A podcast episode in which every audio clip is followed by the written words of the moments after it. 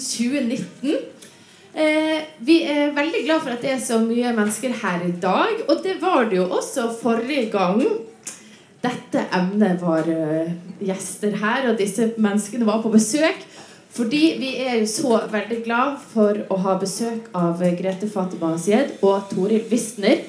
Eh, Grete eh, kom i år med boken 'En sommer med Nedreås'. Eh, de er begge med i Torborg Nedreås-selskapet. Og det er jo tydelig at eh, Torborg Nedreås, denne fantastiske forfatteren fra Bergen, fortsatt er svært populær. Det ser vi jo her i dag. Og eh, Vi gleder oss veldig til å høre dere snakke. Eh, jeg skal også informere deg om at det er mulig å kjøpe bøker av Grete etterpå. Og det er også mulig å melde seg inn i Torborg Nedreås-selskapet om dere skal føle dere inspirert til det etter dette arrangementet. Men nå er det bare å lene seg tilbake og høre om denne fantastiske forfatterinnen. Vær så god. Tusen takk, Marie. Da er det lyd her òg. Og takk til alle dere som har kommet.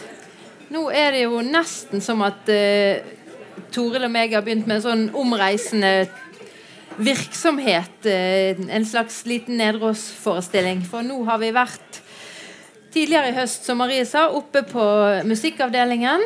Og så har vi vært to, hatt to arrangementer på Stord, der Torborg Nedreås bodde under krigen. Og så var vi i fjor på Fana, biblioteket på Nesttun. Og så har jo vi hatt et arrangement her tidligere òg, når Nedreåsselskapet ble stiftet. Og det er snart to år siden. På den tiden har vi fått om ikke lenge, kanskje i løpet av de neste 60 minuttene, så runder vi 400 medlemmer. Det er bare noen få igjen. Ja, Så Det er vi veldig fornøyd med. Bare å melde seg på her for dere som har lyst til det. Det er gratis å være medlem hos oss. Og vi sender ut to nyhetsbrev i året med det vi holder på med, og invitasjon til arrangementer sånn som dette. Så Og nå har vi nettopp sendt ut vårt nyhetsbrev nummer fire. Blir vel det i rekken. Der vi bl.a. får eh, folk som kjente Nedreås til å fortelle om eh, sine minner og sånn. Siden vi eh, har gjort dette noen ganger nå, så har vi, eller i hvert fall jeg, vært litt nervøs for at vi skal begynne å gjenta oss sjøl. For det kan jo hende noen har vært og hørt oss tidligere. Hvis vi skulle komme til å si noe vi har sagt før, så må vi jo bare be om unnskyldning for det. Men det er jo så vanvittig mye å ta av i dette forfatterskapet at jeg tror vi skal klare å si noe nytt òg, da. ja, eh, i dag så har vi lett fram noen noveller. Så ja, jeg hadde lest en av de tidligere. To var eh, nye for meg. Og det er en annen type noveller enn det Torbjørn Nedreås uh, som jeg har lest tidligere. Og det er noveller som uh, har dette diffuse drømmene ved seg, og ikke noe politisk. Ikke noe særlig samfunnsengasjement i det, men uh, veldig mye død og veldig mye liv. Og er, døden er jo også en stor del av livet, det vet vi jo. Eh, skal vi begynne Men når du sier ikke politisk, så kan vi jo kanskje si ikke direkte politisk. Nei, ikke direkte, men jeg- litt samfunn Ja. er det her. For jeg syns jo at Nedreås er et politisk dyr i så å si alt hun gjør. Uh, og de novellene som du sier det er en som heter uh, Andrej, fra den første novellesamlingen fra 1945. Og så er det en som heter 'Stoppested', fra den novellesamlingen som heter 'Stoppested'. Og det er jo kanskje det livet som en reise og det siste, aller siste stoppestedet det handler om der, da. Og så er det en som heter 'Sannhetens fjell', fra den siste novellesamlingen. Den siste polka. Og de er veldig um, forvirrende på en måte. Fordi at jeg tror at de tar utgangspunkt i drømmer, alle sammen. Nedros var veldig opptatt av drømmer og den, av den drømmevirkeligheten som på en måte en virkelighet som ikke står noe tilbake for denne her virkeligheten. Da, som ikke er dårligere eller mindre verdt eller noe sånt. Bare veldig, veldig annerledes. Og med sin egen logikk. Og det som skjer f.eks. i den første av de novellene, den som heter 'Andrej', som kom altså i fredsåret 1945, det er jo at det glir sammen venn og fiende, holdt på å si, alliert og motstander. En tysk soldat og en russisk soldat på merkelig vis smelter over i hverandre i, i denne drømmen, eller hva det er for en fantasi. Jeg har lyst til å lese opp litt, et lite avsnitt her fra en artikkel eh, fra 1967 i et intervju med Willy Kastborg, hvor hun kommer inn på dette her. Eh, hun sier til å begynne med at kunsten må være sannere enn sannheten. Den skal, ha, nei, den skal ha noe av det søvndrømmene gir. En plutselig belysning av ukjente dybder, en atmosfære av usagte ting som slår røtter i et sinn. Direkte på følelsessystemet, liksom musikk. Denne atmosfæren forsøker jeg å overføre på det jeg skriver, og mine søvndrømmer er en av mine viktigste inspirasjonskilder. Søvndrømmene kan være en sannhetens gave til vår utilstrekkelige bevissthet, kaste klarhetens skjær over det hemmelighetsfulle. Og så kommer hun inn på denne Andrej som du snakker om, eller som vi har lest. Under okkupasjonen så drømte jeg at krigen var slutt. Jeg fant navneskiltet til en død tysk soldat. Jeg gjemte det på brystet, varmet det ved huden min. Dette lille dødsskiltet gjennomstrømmet meg med merkelig ømhet, et vemod. Det opptok meg lenge og utløste nye tanker. Det lærte meg noe i en tid som bare hadde plass for hatet. Så ut ifra dette navneskiltet som hun fant, og kanskje sine egne drømmer, drømmevirkelighet, så skrev hun da denne novellen Andrej. Og det er en detalj er at Hun sier nesten alltid 'søvndrømmer'. Det er jo ikke et ord som jeg er vant til å bruke. egentlig. Jeg, når jeg sier drøm, så mener jeg de som jeg drømmer om natten når jeg sover. Men når hun hele tiden sier 'søvndrømmer', så er jo det tydelig at hun anerkjenner at de våkne drømmene er på en måte like, nesten en like stor del av For ellers hadde det ikke vært nødvendig å presisere at nå snakker jeg om søvndrømmene. Nå snakker jeg ikke om de våkne drømmene, liksom. Men ja, det der Andrej er jo utrolig Den er veldig sterk, syns jeg. Altså, den er eh, Der går venn og fiende over i hverandre. For er det den okkuperte fiende, fiendesoldaten som ligger der død, eller er det den russiske eh, kommunisten som, som er jo selvfølgelig nærmere Nedros sin egen eh, overbevisning, da, for å si det mildt. Og hvis du tenker på det navnet hun har gitt soldaten, Ja. så er det jo Andrej med i. Det er jo ikke direkte norsk navn. Nei, det er det ikke. Nei. Nei. Og så det der at hun gjemmer eh, dødsmerket på brystet. Det gjør hun jo òg i de, Jeg nevnte jo tre av de her eh, merkelige, merkelige drømmene. Eh, og der er det jo i hvert fall i en av de at hun drømmer at hun bærer et lite spedbarn inn på brystet. Eller om hun drømmer eller om hun ikke drømmer, det blir aldri egentlig helt klart. Fordi at det, hun skriver det som om Ja, og så våknet jeg, og så fortsetter det og det og det og det. Men, og så våkner hun liksom igjen. Så det er liksom drømmer inni drømmer, på en måte. Men der er jo det der, eh, den der nære eh, nærende omsorgen veldig påtakelig. Men når det blir vanskelig nok for henne i drømmen, når det blir veldig dramatisk i drømmen, så sier hun også til seg selv at nå skal hun våkne. Jeg vet ikke om dere har opplevd det. Hun tvinger seg selv til å våkne et par ganger. Og noen ganger så klarer hun det ikke, og blir enda mer fortvila. Og hvordan disse bøkene her leses, det tror jeg har litt uh, sammenheng med hva man, altså hvilke stadier i livet man selv er på, og hva man har opplevd. Fordi at uh, jeg opplever jo alle tre novellene skrevet av et menneske som er i dyp, dyp sorg og dyp nød. Eh, jeg kjenner igjen noe av de samme uh, samme drømmetilværelsen som du prøver å finne ut av. Altså Livet blir som en slags type vond drøm. Uh, for mange mange år siden 20 år siden og vel så det, så mistet jeg det mennesket som sto meg aller nærmest, bortsett fra ungene mine. Og eh, da opplevde jeg en del av den samme forvirringen i tilværelsen som hun beskriver så godt her. Så sånn kjenner jeg meg igjen. Og, også, og fortvilelsen, tenker jeg. Ja, fortvilelsen. Og døden, som da blir så stor del av livet. Ja, og det der med å finne veien for den stoppestedet, altså denne reisen. Og det er over, noe veldig filmisk over det. Så hun går inn på en buss, og så er det plutselig er det ikke en buss. Eller så Først ser hun en buss som på en måte blir om til en likbil. Den, svart, den er svart plutselig med kors på tak og sånn. Og, og så er det tåke. som- Når tåken dekker bussen, så virker det realistisk nok, og så er tåken glir forbi, og da er bussen vekke. Og det er liksom sånn Men nå, Ja, nå er snakker du også om den novellen eh, 'Sannhetens fjell'. Ja, det er sannhetens fjell. Og den har en undertittel. Um, skal vi se Fra de dunkle kilder, Fra de- ikke noe sånt? Uh, En beretning fra de dunkle kilder. Mm. Uh, den uh, viser jo oss da, selve undertitlene at det er en mørk beretning. Og det å komme opp på sannhetens fjell, det er ikke lett.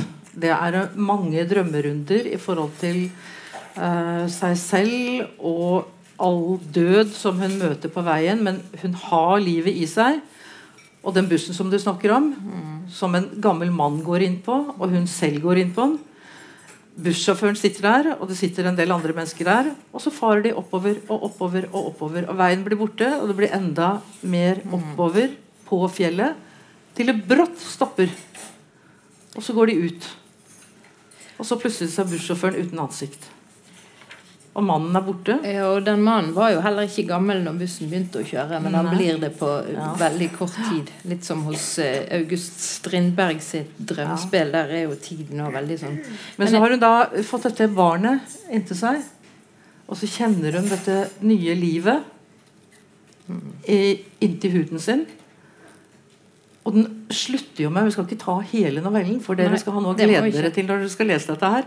Men den slutter jo altså med hver av disse tre vanskelig vonde novellene som, snak, som skriver, hun skriver om noe av det vanskeligste i livet. Så slutter det med et håp. Det slutter med en Uh, enten en glede inni henne, som hun begynner å kjenne spiren av, eller en glede ved berøring til et barn, f.eks. Så det er, ikke, det er ikke håpløst på slutten. Neida. Selv om den ferden for å komme dit, den er vanskelig. Mm. Kjempespennende noveller. Ja, det er det. Så nå, nå har vi anbefalt de. Og de har vi i hvert fall ikke snakket om før. Så det, Nei, det har vi ikke. for de er ganske, det er litt vanskelig å snakke om det. Ellers er jo Nedreås kjent som den store realisten. Altså det, det er jo Herdis oppvekstskildringene som er utrolig lett å kjenne seg igjen i, med, alle, med denne her sanserikdommen av lyder og lukter og smaker. og den, Det er liksom veldig sånn sansenær realisme. Og så er hun jo kjent eh, eh, for sin eh, Altså med 'Amoneskinn gror det ingenting' for sin veldig sosiale, altså krasse kritikk av, eh, av eh, et samfunn. Da. Men jeg tenker at på samme måte som selv om Nedreås er mest kjent for realismen og har mye mer, så er jo også av 'Måneskinn gror det ingenting' Den er også mye mer enn en abortskildring og en eh, For det, jeg blir ofte litt irritert når jeg leser om i sånne oversiktsartikler og oppslagsverk sånn, Der er det jo gjerne bare plass til ett poeng for hver bok. Og da er det eh, Amone Skingrod ingenting handler om en ung kvinne som blir utnyttet, og, og den har krasse, sterke abortskildringer. Og det er jo sant. Men den er mye, mye, mye, mye mer. Mm. Det er utnyttelse av kvinner. Ja. Men Det er også beskrivelse er, Hører dere meg? Ja. Det er også beskrivelse av eh, et gruvesamfunn. Hvor det er store klasseforskjeller. Um, beskrivelse av lærerstanden, kanskje, vi kan si. Ja. Ja, men ja, jeg var jo og snakket for læreren i går på fylke... fylke hadde sånn fagdag. Amalie Skram. Ja, på Amalie videregående skole. Så lærerstanden er nå én sak. Men det jeg tenker, er at eh, jeg for min del syns at eh, skildringen av dette her samfunnet kommer for mye i skyggen av skildringen av den, altså individet, den unge kvinnen som er hovedpersonen. Og det syns jeg er litt dumt. For hvis du reduserer boken til et kampskrift for eh, fri abort, så er jo den kampen vunnet, i hvert fall her på dette berget her vi sitter. Og da skulle jo boken ikke vært aktuell lenger. Men det sier hun jo selv at det ikke er. Ja hun skrev ikke den som noe kampskrift Det det ene for fri abort. Nei. Men hva var det hun skrev det for? Hun sa boken er også et forsvarsskrift for barnets rett til å bli født. Og, det, det, er jo det politiske mennesket òg. Ja, det er jo på en måte det motsatte, da. Mm. Men, men, det hun mener, er vel at eh, grunnen til at abort blir nødvendig da, i sånne situasjoner som dette, er jo samfunnet. Fattigdommen. Ja. På alle måter. Økonomisk fattigdom. Der er det De dør av uh, utslitthet og uh, silikose. Menn får silikose av arbeid i gruvene kvinnene er utslitt av svangerskap og fødsler og aborter og sånn, så det er fattigdom økonomisk og sosialt. Det er fattigdom intellektuelt. Dette er jo et samfunn der det ikke er lov å skille seg ut. Ikke lov å være opptatt av kunst, å være opptatt av litteratur eller musikk eller en sånn følsomhet for noe annet. Og da er det jo også en emosjonell fattigdom. Fordi der er ikke, der er ikke noe eh, sjenerøsitet der er ikke eh, rom for mellommenneskelig varme i det hele tatt. Og det bunner jo selvfølgelig i, i, altså i, det økonomiske systemet. da. Og den kritikken er jo ikke gått ut på dato. Nei, overhodet ikke. Tenker jeg. Som hun sier at eh, problemene Jeg leste en artikkel eh, som hun skrev for eh, ja, på noen av oss på 70-tallet.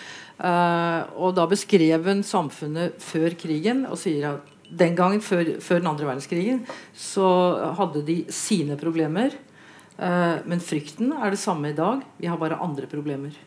Frykten for framtiden. Mm. Eh, og hvis vi ser på samfunnet rundt oss, så begynner det jo å bli se, i vårt land også mm. en del av den samme problematikken og frykten for, for, eh, hos folk. Ja, og ikke minst frykten for de andre. De fremmede og de mm. som er litt annerledes. og Altså, der er jo Herdis-bøkene på en måte blitt litt nye igjen. fordi at i Herdis altså Herdis sin mormor og Nedrås sin mor, Nei, morfar. Altså Nedrås sin mor og Herdis sin mor var begge halvt jødisk. Mm. Uh, så sånn sett passer det jo veldig bra. Jeg gleder meg til det arrangementet etterpå om, om jødene på Møhlenpris, for det er, jo, det er, jo, der vi er. Mm. Og det kan jeg huske at jeg ikke la så veldig mye merke til når jeg leste de bøkene første gang. For de, de stereotypiene og de fordommene som blir beskrevet der, de er jo ikke et hovedtema i boken, men de er der hele tiden. liksom. Ja, de er jo så glad i penger, og det er sånne fordommer. Ja, eh, dette er jo under første verdenskrig, sant? og da får eh, morfaren til Herdis, som har eh, vært språklærer. Han mister elevene sine, og han blir eh, mistenkt for å ha sympatier som ikke er nasjonale, og ja, som ikke er våre, liksom. Og det syns jeg heller ikke er så veldig Det høres veldig kjent ut på en mystisk måte. Ja, eh, men ørlite tilbake til måneskinn der, før vi slipper den helt. Vi har snakket litt om den tidligere, men ikke så, ikke så mye. Eh, det minner meg om når vi var på Stord nå i høst. Eh, så var det da tid til litt innspill fra salen etterpå. Spørsmål. Og folk eh, begynte å fortelle litt historier. Det var noen som hadde hørt masse historier om Torbjørn Nedre. Og spennende for oss å høre om. Og de fortalte jo da om en kvinne som ikke ble uh, var, var, ikke vanlig på Stord. Hun gikk barbent. Gatelang, ikke gatelangs, men når hun var ute i, på gaten og gikk tur eller skulle noe, så gikk hun ofte barbent, hadde ikke sko. Gikk med svær, lang frakk. Gikk med dette lange sigarettmunnstykket sitt og røkte. Det skulle ikke kvinner gjøre den gangen. Hun drakk, hun var sammen med menn. Det var veldig masse negativt ved skikkelsen Torbjørn Nedreås. Mm. Uh, og til slutt så var hun også med i kommunistpartiet. Og det var jo heller ikke bra. Det var bra en stund, faktisk. Men uh, det, akkurat under krigen så var det ikke bra. Nei, men det, og det er jo liksom det, det, var, det, var, faktisk ganske eh, litt sjokkerende, nesten, ja. det engasjementet som kom fra salen da. Hvor sterkt det satt i minnet ja. hos folk. Eh, akkurat den beskrivelsen der av henne. Og enslig mor. Ja, jeg hadde fester. Mm -hmm. Jeg vet ikke hva gøy. som var verst, jeg, men jeg tror at det der røykte på gaten, det var noe av det Kvinner skulle altså ikke røyke, og i hvert fall ikke i offentligheten. Men det husker jeg fra min oppvekst. Jeg er mye, mye eldre enn Grete. Uh, så var det ikke snakk om at det var farlig å røyke. Men damer skulle ikke røyke, for det var stygt. Og da måtte jo jeg prøve å røyke. Ja. Nei da, men det er klart det er lett for oss å se, se tilbake, så ser vi jo bare forfatteren, og det, det er store bokstaver, liksom. Men, men hun var altså uglesett sett og, og mistenkeliggjort på, på Stord. Hun, eh, hun må jo ha vært en, en type som viste igjen. da, altså det var ikke, Hun sa jo det falsk beskjedenhet er det verste jeg vet. sa hun. Så hun var klar over eh, sin egen eh, Skulle stå fram med det man kunne. Ja. Og hun er stolt av bøkene sine. Jeg har lest en del av um, essayene hennes. Og hun beskriver jo sitt arbeid, det hun har utgitt, uh, står hun for. Og det er bra. Hun vet det, at det er bra. Og hvorfor skulle hun ikke da si det? Hun syns det er veldig flott at andre også syns det er bra, men hun vet at det er bra litteratur. Så det var ikke noe jantelov der. Nei, det er selv om det er jo på en måte et jantesamfunn hun, beskriver i 'Av måneskinn', så er det, det Jeg syns det er noe av det jeg virkelig har, har lært av nå å ha eh, levd tett med Nedreås noen år. Fader ta! Skal du gå rundt og liksom eh, stikke lyset ditt under en kjeppe? Hvem har glede av det, liksom? Nei. Det, det må det bli en slutt med. Men er greit, nå har jeg veldig lyst til å snakke litt om denne boka som jeg fant ett eksemplar av. Ja. på biblioteket her. Jeg har aldri lest den før. Og så har jeg kommet over en del rundt denne boka her, 'De varme hendene', som alle sier 'den må du ikke lese, Toril, for den er dårlig'. Alle sier den er dårlig. Og så har jeg lest alt det andre. Ikke alt det andre, men jeg har lest det aller meste av det andre. Fordi at, nei, det er klart at når altså, Litteraturvitere og sånn forteller meg da eh, at denne boka her er ikke noe å lese. den Bare, bare glem det. Det er dårlig skrevet. Og så har jeg da funnet folk som syns noe annet. Eh, den kom ut i husker du, det? 1952, 52, tror jeg. 52, 52, ja. Der gikk brillene mine. takk skal du ha. Tusen takk. Kom ut i 52. Uh, 50-tallet var uh, en periode hvor eh, samfunnet var på vei vekk fra krigen. Uh, man begynte å se framover. Veldig framover. Og ny, veldig mange holdt fast ved det tradisjonene, det tradisjonelle. Uh, husmorbegrepet har aldri vært så sterkt som på 50- og 60-tallet. Um, det var mye egentlig mye som skjedde på 50-tallet, men det var ikke så veldig mye spennende som skjedde. For ting skulle være som det var, og så skulle man glemme krigen og alt det vonde som skjedde da. Og så skulle man se framover. Veldig glad med den første vaskemaskinen og kjøleskapet og, og de som fikk bil først, og sånn, og særlig arbeiderklassen da, som fikk det. Noe som jo da naturligvis borger, borgerskapet så litt ned på og kalte det for statussymboler, selv om de hadde hatt det for lengst. ikke sant? Uh, men Torbjørn Nedreås skrev dette her på 50-tallet, og det tror jeg er viktig. Og dette er et uh, angrep på Norge, Norges medlemskap i Nato. Så det er en ren veldig politisk bok. Og Det er klart at det var ikke stuerent å gi ut en sånn bok eh, på 1952-tallet. holdt jeg på å si. Den er jo kommet ut seinere også. Og um, Men er han god? Jeg er jo litt opptatt av det, da. ja, vi får se hva hun selv sier her. Vinduet, Hun er samtale med Torbjørn Nedreås i Vinduet 1974. Da sier uh, intervjueren at du har ofte sagt at du har lyst til å gi Herdis et spark bak. Betyr det at Herdis-bøkene etter din mening har stilt andre og viktigere ting du har gjort i skyggen? Og så svarer hun ja. De varme hendene, f.eks. Det er den av mine bøker som mest angår andre mennesker. Og den er like aktuell i dag som for 20 år siden. Vi er fremdeles med i Nato. Jeg skal ikke anlegge noe falsk beskjedenhet. Disse bøkene om Herdis er gode. Og helt, upolitisk, helt upolitiske er de jo heller ikke. Det er et miljø der, altså dette borgerlige miljøet, og det som ligger parat til den neste boken, hvis jeg lever lenge nok til å få den ferdig, og som jeg syns er like viktig som disse personskildringene. Det, ehm, det er det der med jobbemiljø under første verdenskrigen. Det er det viktigste. Det er meget viktigere enn Herdis og hennes jålerier. Ja. Men selvfølgelig er personskildringene også viktig. Jeg syns ikke det er noe vits i å karikere, og det er dessuten ufarlig. Og når jeg arbeidet med disse bøkene om Heidi Spent ut sagt er jeg blitt glad i hennes stefar, gamle reaksjonæren, kjøpmannssønn og kjøpmann, periodedranker, playboy, så er det fordi det er farlig ved reaksjonens representanter kan være deres sjarm, deres menneskelighet.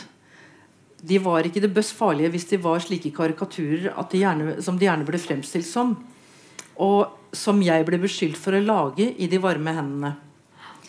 Um, jeg har også nylest denne her. Det er festskriftet som Torbjørn Nedreås ble utgitt til Torbjørn Nedreås sin 70-årsdag i 1976. Korriger meg hvis det ikke er jo, det er riktig. Det er riktig. 1976. Og der står det i forordet at det er faktisk eh, bare gitt ut eh, festskrift til fire kvinner før Torbjørn Nedreås her. Det var jo gitt ut til veldig mange menn, da. Så hun var en foregangskvinne også der. Eh, og her er det en som heter Aslaug Groven Michaelsen, som skriver om de fjerne 50-årene. Og skriver da at eh, Skal vi se mm, Nå må jeg ta og lete litt grann hvorom allting er. Jeg sitter her i min ensomme hjerteråhet og er nødt til å fortelle dere og komme med et vitnesbyrd. Jeg syns aldeles ikke det er noe kunstnerisk i veien med de varme hendene. Og da tenkte jeg at nå må jeg gå og låne den, og så må jeg lese den. For da ble jeg nysgjerrig. Jeg kan huske som det var i dag, hvor sterkt inntrykk den gjorde den gang i 1952, da jeg fant den i en slektnings hylle, blande åndsfraværende opp, begynte å lese, kjente pulsen banke, fortere, og pupillene vokste. Stil, sa Toril, det er kunsten å gjøre en sak levende. Den kunsten kan du, Torborg. Og du mestrer den i alt du har utgitt. Sier noen noe annet, da tjener de verken kunsten eller sannheten, men noe som ikke er så lysekte. Og dette gjelder også i de tilfeller der kritikerne er i god tro. 50-årene var et lumsk desennium. Og det tålte ikke alltid som du din, det som du i din roman kaller en fri manns blikk, eller heller ikke en fri kvinnes blikk. Så det bare pirret min nysgjerrighet. og Jeg, skal, jeg har bare lest forordet hittil, for jeg har ikke rukket noe mer nå. Men jeg skal lese den ut uh, i god, uh, god, fart. holdt Jeg på å si. Jeg skal få med meg stoffet og, og stilen hennes, men jeg skal levere den inn igjen, sånn at neste kan gå i lånen. Da kan du komme og holde et foredrag om den, kanskje, for jeg har nemlig ikke tenkt å lese Ja, jeg, jeg begynte på den, og jeg syns den virket veldig kjedelig. Men det er jo altså en fremtids... En sånn dystopi som eh, Og en nøkkelroman der man kan kjenne igjen politikere og eh, samfunnstopper, så vidt jeg har forstått. Og den har jo da en spesiell eh, tilblivelseshistorie. For det sies at det satt et helt kollektiv ute på Blylaget på Nesodden, der Nedreås bodde, og jobbet på spreng med dette her. For det, det var jo virkelig det var jo 50-tallet var jo ikke kjedelig mens det sto på. Da var var det, det da, det hastet å få den boken ut. Så det er jo det de sier, at de vet ikke hvor mye som det er hun som har skrevet, og hvor mye som det er andre. Da kan jeg si to ord om eh, Slottet på, Nesod, på Blylaget, der hvor hun bodde. Vil du fortelle om det? Nei, nei, du kan si om Slottet. Ja, stort hus. Hvis man står på Blylaget brygge, som ligger ned til Bunnefjorden, så ser man det største huset man ser rett opp på. Det er da hennes hus, som blir kalt for Slottet på Nesodden. Og der eh, sa hun fra til eh, veldig, veldig mange at alle gode folk kan komme her lørdag til søndag. Og det var det veldig mange mennesker som gjorde. De måtte ha med seg mat og drikke, og gjerne sovepose. Opptil 100 stykker overnattet hos henne og mannen eh, i helgene. Det, ukedagene så jobbet hun. Og det er klart, Da var det også mange diskusjoner, masse samtaler, mye politikk, men også mye moro. Og svømmeturer i eh, Bunnefjorden, naturligvis. Eh, men det kan godt hende at deler av denne boken ble til på noen av disse helgene. Det vet vi ikke. Men det var en ting du leste i det utdraget som jeg bet meg litt merke i. Og det var det at du sa at helt politisk er Herdis-bøkene ikke. Nei, jeg tror jeg har veldig sånn politiske briller for tiden, for nå er, ser jeg alt mulig politikk. Men det er klart at eh, eh, Herdis For det første så har Nedreås fortalt at når hun begynte å skrive Herdis-bøkene, så var det ikke lille Herdis som var eh, hovedsaken for henne. Det var det sosiale miljøet på Møhlenpris. Med ganske tydelig fattigdom og ganske grei velstand på, innenfor en liten radius. Og at Herdis da var et sånt litterært takknemlig grep, fordi at hun kan gå liksom inn til de ulike familiene og observere og, og fortelle og rapportere hvordan det står til eh, rundt omkring. Men så sier jo eh, eh, har Nedreås har sagt at eh, i utgangspunktet så var det ikke Herdis, det var det sosiale miljøet, klasseskjellen og alt dette her. Men at Herdis mer og mer eh, tok innersvingene, det det heter på henne. Eh, men også Levde sier hun òg i den siste boken som hun sannsynligvis aldri skrev. Eller hun det vi tror, da, er at hun har begynt på den eh, fjerde boken om Herdis, men at hun har gitt det opp og på et eller annet punkt eh, kastet eller brent det som hun hadde skrevet. Men det hun sa da, var at da skulle bl.a.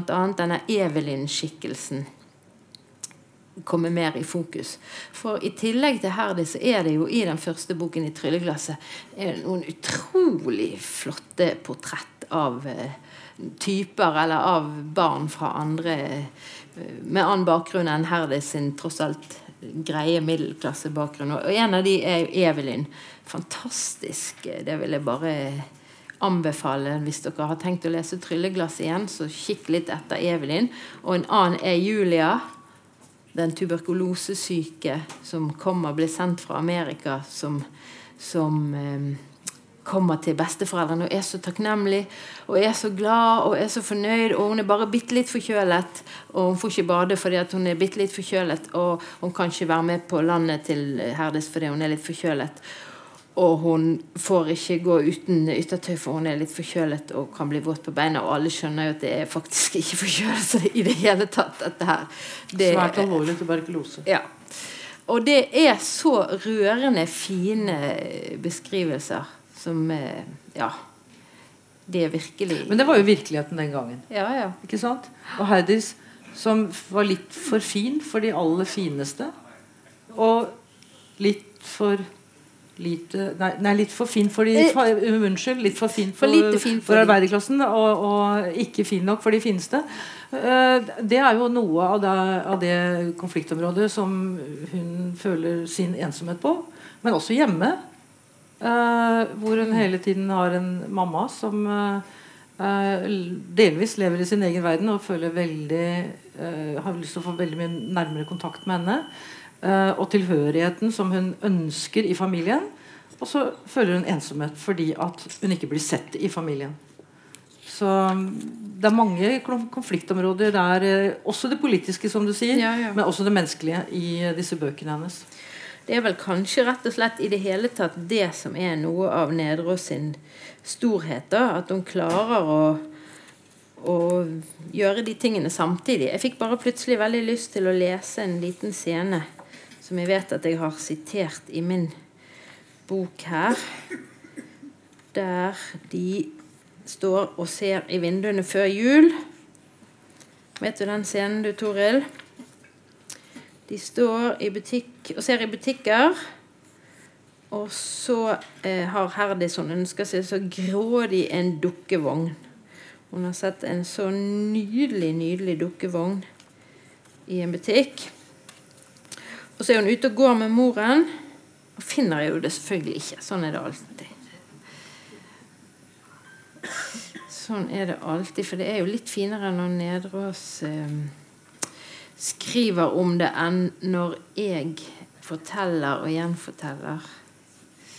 Skal vi se Hvis du ikke finner det, så holder nok det med gjenfortellingen. Med gjenfortellingen. Mm. Ja, jeg ble veldig oppsatt på dette her. Kan ikke du si noe morsomt i mellomtiden? Ja, morsomt og morsomt. Jeg kan uh, si noe som vi alltid er litt inne på å diskutere, Grete og jeg. Fordi at uh, Herdis uh, ja, Torbjørn Edrås selv sier at hun er en jålete jente. Eller alle, alle hennes jålerier. da og hun blir betrakta som stri og vanskelig og sta og sær og alt dette her. Og da tenker jeg litt Hvordan ble små jenter oppdratt? I min tid. Altså jeg er født 1950. Ok, det kan jeg si en del om. Men jeg var ikke, ble i hvert fall ikke oppdratt til å synes. Uh, og til å si sine meninger. Uh, jeg tror ikke at det var noe bedre i Herdi sin tid heller. Før i krigen. At noe At man ble oppfordra som liten jente til å Til å vise seg fram å si sine meninger. Man skulle være stille. Man skulle være Det er en telefon som ringer. Jeg har skrudd av lyden på min, så det kan ikke være den. Ikke min heller. Men jeg har funnet det hvis du vil, så kan jeg lese over dette. Ja, skal vi ta opp den med Heidis etterpå? Men vi er ikke helt enige på det der med Heidis. Nei, men eh, det blir vi helt sikkert aldri.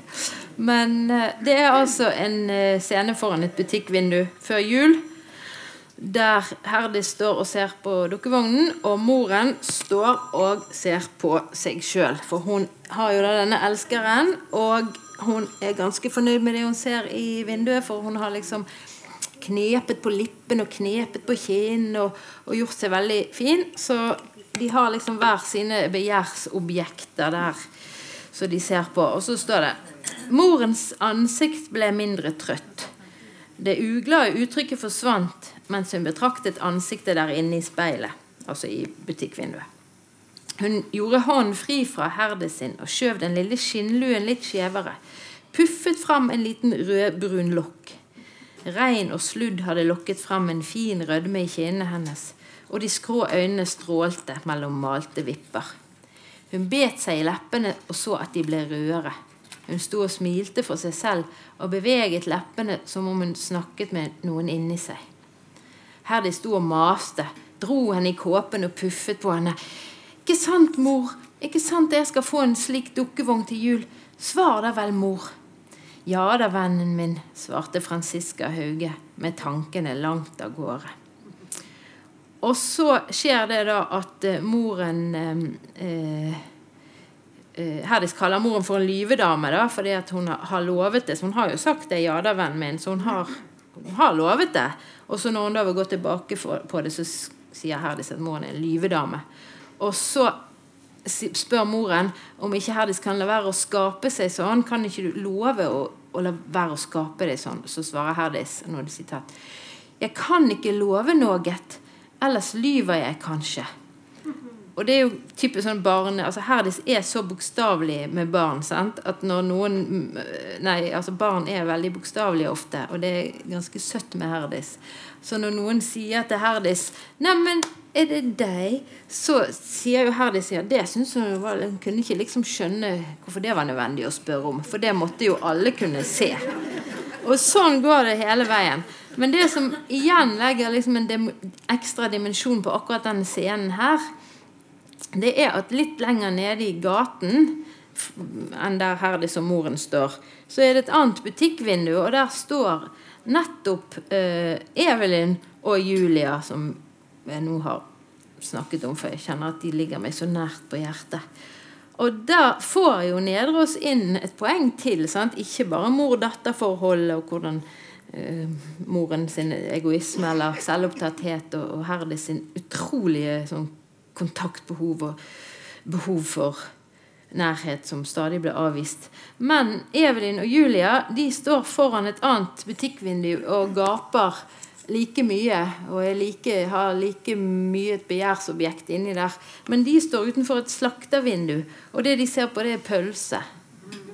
Så det, det, det er det, sant? Det er både det psykologiske og det nære og det sosiale på eh, samme tid. Og så ser moren eh, så, så, ser moren de, og så sier hun til Herdis Tror du de får dukkevogn? Det syns jeg er ganske stygt. Mm. Tror du de får dukkevogn til jul? Hvis Herdis ble lei seg da, så skjønner jeg veldig godt det. Mm. Men jeg syns jo litt tilbake til, til, Heidi som jeg snakket om i stad. Altså, jeg har notert meg noen uh, stikkord her. Hun hadde trang til opprør mot konvensjoner og livsmønster og samfunn. Og nå snakker jeg Jeg har nettopp lest ferdig um, uh, siste nymåned, den siste boken i trilogien om Heidis. Da, så hun er nesten konfirmert nå. Skal konfirmeres. Uh, og så tenker jeg at altså hvis, ikke ungdom, hvis ikke ungdom i et samfunn tar et oppgjør med konvensjonene og med samfunnet og tradisjonene som er i det. Hvem er det som skal gjøre det da? Er det oss 70-åringer som skal gjøre det? Altså Det må Hvorfor jo være de unge. Hæ? Jeg syns 70-åringer gjør en strålende jobb. Ja, ja. Helt, jo, eh, men det er jo de unge som må ta jo, jo. dette opprøret og dette oppgjøret ja. med samfunnet selv. For de skal ut. De skal, så vi skal være snille til vi er 70, da? Nei, vi skal være noe jævla hele tiden. Vi skal slå i bordet. Ja, Men jeg sier i hvert fall de unge. Jeg syns det er flott jeg, jeg håper at uh, unge jenter, små jenter og unge jenter i dag, og gutter naturligvis, går ut med akkurat den samme undringen overfor verden. Og kan være like opprørske og kanskje litt vanskelig for oss voksne. Jeg syns det er flott, det. Mm. Ja, men jeg syns vi kan være mye mer vanskelig og mye mer uh, umulige enn vi er.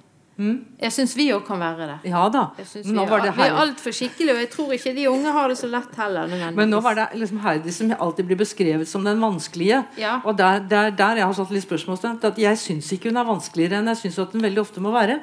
Og litt ekstra vanskelig kanskje av og til. Men er vi ikke det? Eh, Noen ganger? Jo. Ja, jeg ser noen som nikker. I hvert fall som kjenner seg igjen. Jeg jeg syns. Herdis har eh, på en måte Hun er i sin fulle rett. Ja, det synes jeg. Og, og det er òg litt urettferdig når jeg nå sier at moren er så stygg med Herdis, for moren er jo òg en veldig hjertevarm person og tar seg av disse andre eh, jentene sant? I, i gaten. Hun er ganske sånn sjenerøs og, og åpen og, og sånn. Men det er jo ikke lett for noen. Det er jo det som er, som er greien. Og det, det, er, det er Alle har sitt. Alle går og sliter med sitt. Faren òg, selv om han er litt kjedelig og grå. og Ja, han sliter da jammen med sitt. Hæ? Ja, han sliter Ja, han jammen med sliter. sitt. Han gjør sitt beste. Ja, Det er bare litt for og stefaren også gjør sitt beste. Ja, ja, han bare drikker litt mye innimellom. Men det er jo fint når vi får det Han drikker litt mye. Han drikker litt mye. Men han er jo en snill og varm mann som prøver å ta vare på henne bestandig. Når hun er syk, og Mm. når hun er lei seg. Ja, ja. Så ofte så ser jo han henne mer enn det moren gjør. Francisca. Mm. Um, Nei, skal vi ta litt mer om slutten på på hele trilogien Ja. Ja. Eh, ofte så har jeg inntrykk av at det er den i midten som blir aller mest fremhevet. Musikk fra en blå brønn. Men jeg syns jo alle er like Har du en favoritt av de tre Herdis-bøkene? Jeg syns uh, denne her, ja, 'Neste nymåne', den er liksom eh, helt inni hjertet. Mm. Ja. Har du tenkt å lese litt for oss, eller? Mm. Ja. Det er godt gjøre, Men da må vi snakke litt om uh, det som har skjedd mot slutten. Da. Uh, Herdis har bestemt seg for at hun ikke vil gå på akkord med seg selv og konfirmere seg. Og familien For hun, hun opplever ikke religion som noe som eh, berører henne. Og familien er fortvila. Eh, mor og, og stefar og alle sammen er fortvila. Fordi at eh, man konfirmerer seg. I et godt hjem så konfirmerer man seg. Man døper sine barn, man gifter seg i kirken, og så konfirmerer man seg. Det er liksom stadiet eh, før man blir voksen, og det vet vi jo. Kan Så- jeg bare få skyte inn at igjen, ja, er det, igjen er det jo denne troskyldigheten og på en måte naiviteten til Herdis som gjør at hun ikke kan gjøre det. For det at hun klarer ikke å gå med på det at det er bare sånt man gjør. Hun, hun, hun sier at 'jeg kan jo ikke stå i kirken og lyge'. 'Jeg kan jo ikke stå og si at jeg tror på en gud jeg ikke tror på', for da lyger jeg. Så hun er, han er jo veldig sånn enkel på en måte. Så det er det som gjør det vanskelig for henne. Ja, det blir i hvert fall vanskelig for henne. Eh, og så har hun sagt ifra til alle mot slutten av boka at hun ikke skal konfirmere seg. Mor og far og hele eh, bøtteballetten. Bortsett fra eh, farmor I marken. i marken. Det er det tristeste å si ifra til henne. For hun vet at hun blir veldig lei seg. Eh, og så tar hun da og bestemmer seg for at hun skal ta mot til seg og gå bort til marken og fortelle det da til eh, farmora. Eh, og så kommer hun da inn. Så har mora vært henne i forkjøpet. Hun ser med en gang at farmor er ekstatisk av lykke. For mora har vært uh, i forkjøpet og invitert farmor til konfirmasjonen hennes. Og det er så stort for farmor. Hun beskriver uh, i, I disse siste sidene så kommer det frem at farmor har ikke vært i noe sånt selskap på 20 år. Hun har allerede vært og kjøpt seg nye sko som hun viser fram mens hun synger og traller og, og danser litt med disse nye skoene. Viser fram at det er til og med, uh, det er til og med skinn innvendig i skoene. Uh, hun har riktig slått på stortromma, for såpass må det jo være når det gjelder en sånn fin anledning. Hun har vært hos skredder og fått bestilt uh, ny kjole med det aller aller fineste stoffet. Blir kjempedyrt dette her for, for farmor. Og hun gleder seg så veldig til selve selskapet. Beskriver maten som de skal få, og drikken. De skal kose seg med vin, og det skal være all verdens beste mat. Og så er det dans etterpå. De skal danse. Farmor gleder seg til å danse. Og mens da Herdis ser på dette her Hun har, fått et lite glass med, med eh, Portvin. portvin av farmor. Det står urørt. Hun klarer ikke å stikke tunga ned i glasset engang. For hun blir så lei seg når hun ser på farmor og tenker at dette var vanskelig. Hvordan skal jeg komme ordentlig ut av dette? her? Jeg har bestemt meg for Jeg skal holde fast med mine prinsipper. Eh, jeg skal ikke konfirmere meg, men allikevel. Men så uh, skal jeg bare ta Jeg kan ikke lese alt det som er Jeg har lyst til å lese hele boka for dere, men det kan jeg ikke gjøre. Um, hun hadde da hun, hun tenker mens hun går til bestemor Du får ta meg som jeg er. Og gaver og den slags bryr jeg meg ikke om. Eh, jeg vil gjøre som jeg syns er rett, bare for å ha fordeler av det. Sånt vil jeg ikke ha nå. For slik vil det blitt. skjønner du. Jeg er lei for det jeg har gjort, eh, at jeg gjør deg så bedrøvet, og du får gjerne be for meg hvis det kan hjelpe deg. Sånn går hun og tenker når hun går mot eh, bestemors hus i marken. Hun var i fullt fyrsprang ut fra Gravlund, henover Jernbanetorget, oppover i marken. Og når onkel Elias altså måtte tåle det, ja da. For selv om han var lukket, skuffet, snakket minst mulig med henne for øyeblikket Onkel Elias var også veldig veldig ivrig på at hun, eh, at hun skulle eh, konfirmeres. Onkel Elias er jo stefaren hennes. Eh, Med tiden ville han måtte godta det. Og han, loddret, og han hadde satt seg loddrett imot at hun under noen omstendigheter skulle flytte hjemmefra før hun var ferdig med en eller annen utdannelse. Uansett. Med mindre hun kom hjem med en lausunge, da, som han hadde sagt til sin mor.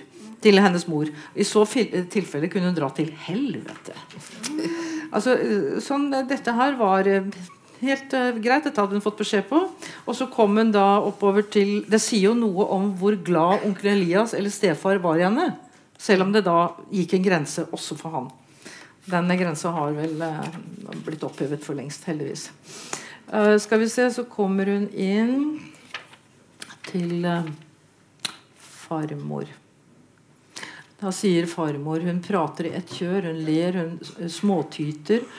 Men siden den gangen jeg ble buden med til løytnant Sars sitt bryllup fordi jeg hadde vært barnepiken eh, hans, siden den gang hadde det ikke blitt mye fest for meg.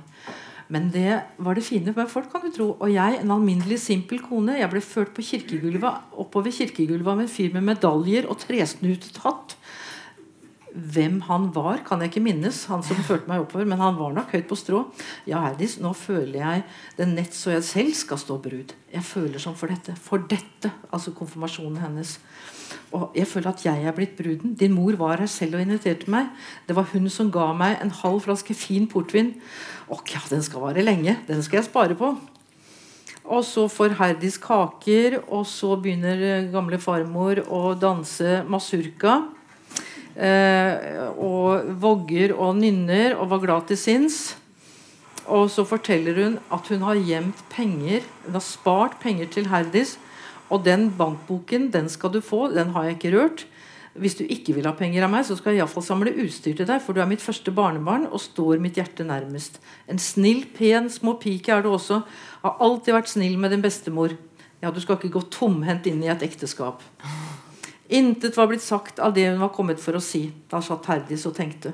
Og ingen av dem hadde rørt vinen som var blitt stenket i to bitte små glass med gullkant på. Bestemoren glemte det bort i lykkelig vimseri, og hun selv i en slags indre lammelse. Hun angret det nå. Litt portvin kanskje, ville kanskje ha gitt henne akkurat en følelse som hun trengte, men hun hadde ikke tatt, orket ikke ta den. Hun hastet hjem, hjemover, men gikk langsommere og langsommere ettersom hun nærmet seg huset. Veien nedover var full av visne blad nå.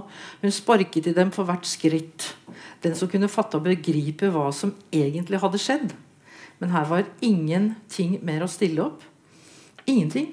Jeg har bestemt meg. Jeg har ombestemt meg, var alt hun sa til moren sin. Deretter søkte hun inn til seg selv, hvor hun sto presset mot den lukkede døren for å hindre ut uvedkommende fra å trenge seg inn til henne. Men bare vent, snerret hun. Bare vent, dere. Det er slutten på boka. Ja. Ja, den er veldig fin. Ja. Det er slutten på vår eh, seanse her òg, for nå går tiden fra oss. Men vi må jo si at eh, det er mulig å melde seg inn i selskapet, Torborg Nedre-selskapet. Som Det er helt gratis. Da får man nyhetsbrevene. Og eh, legge det på bordet der nede. er med på å bl.a. jobbe for at det skal komme en statue av Nedreås i byen et sted. Dere kan også ta med en sånn hvis dere vil det. Dere kan kjøpe tøynett eller bøker. Vi har ikke så veldig mange, men vi har noen. Fine julegaver. Veldig fine julegaver med sigarettmunnstykke og det hele. Ok, Nei, men Da går det an å gå videre til Ja. andre ting. Tusen takk. takk for oss.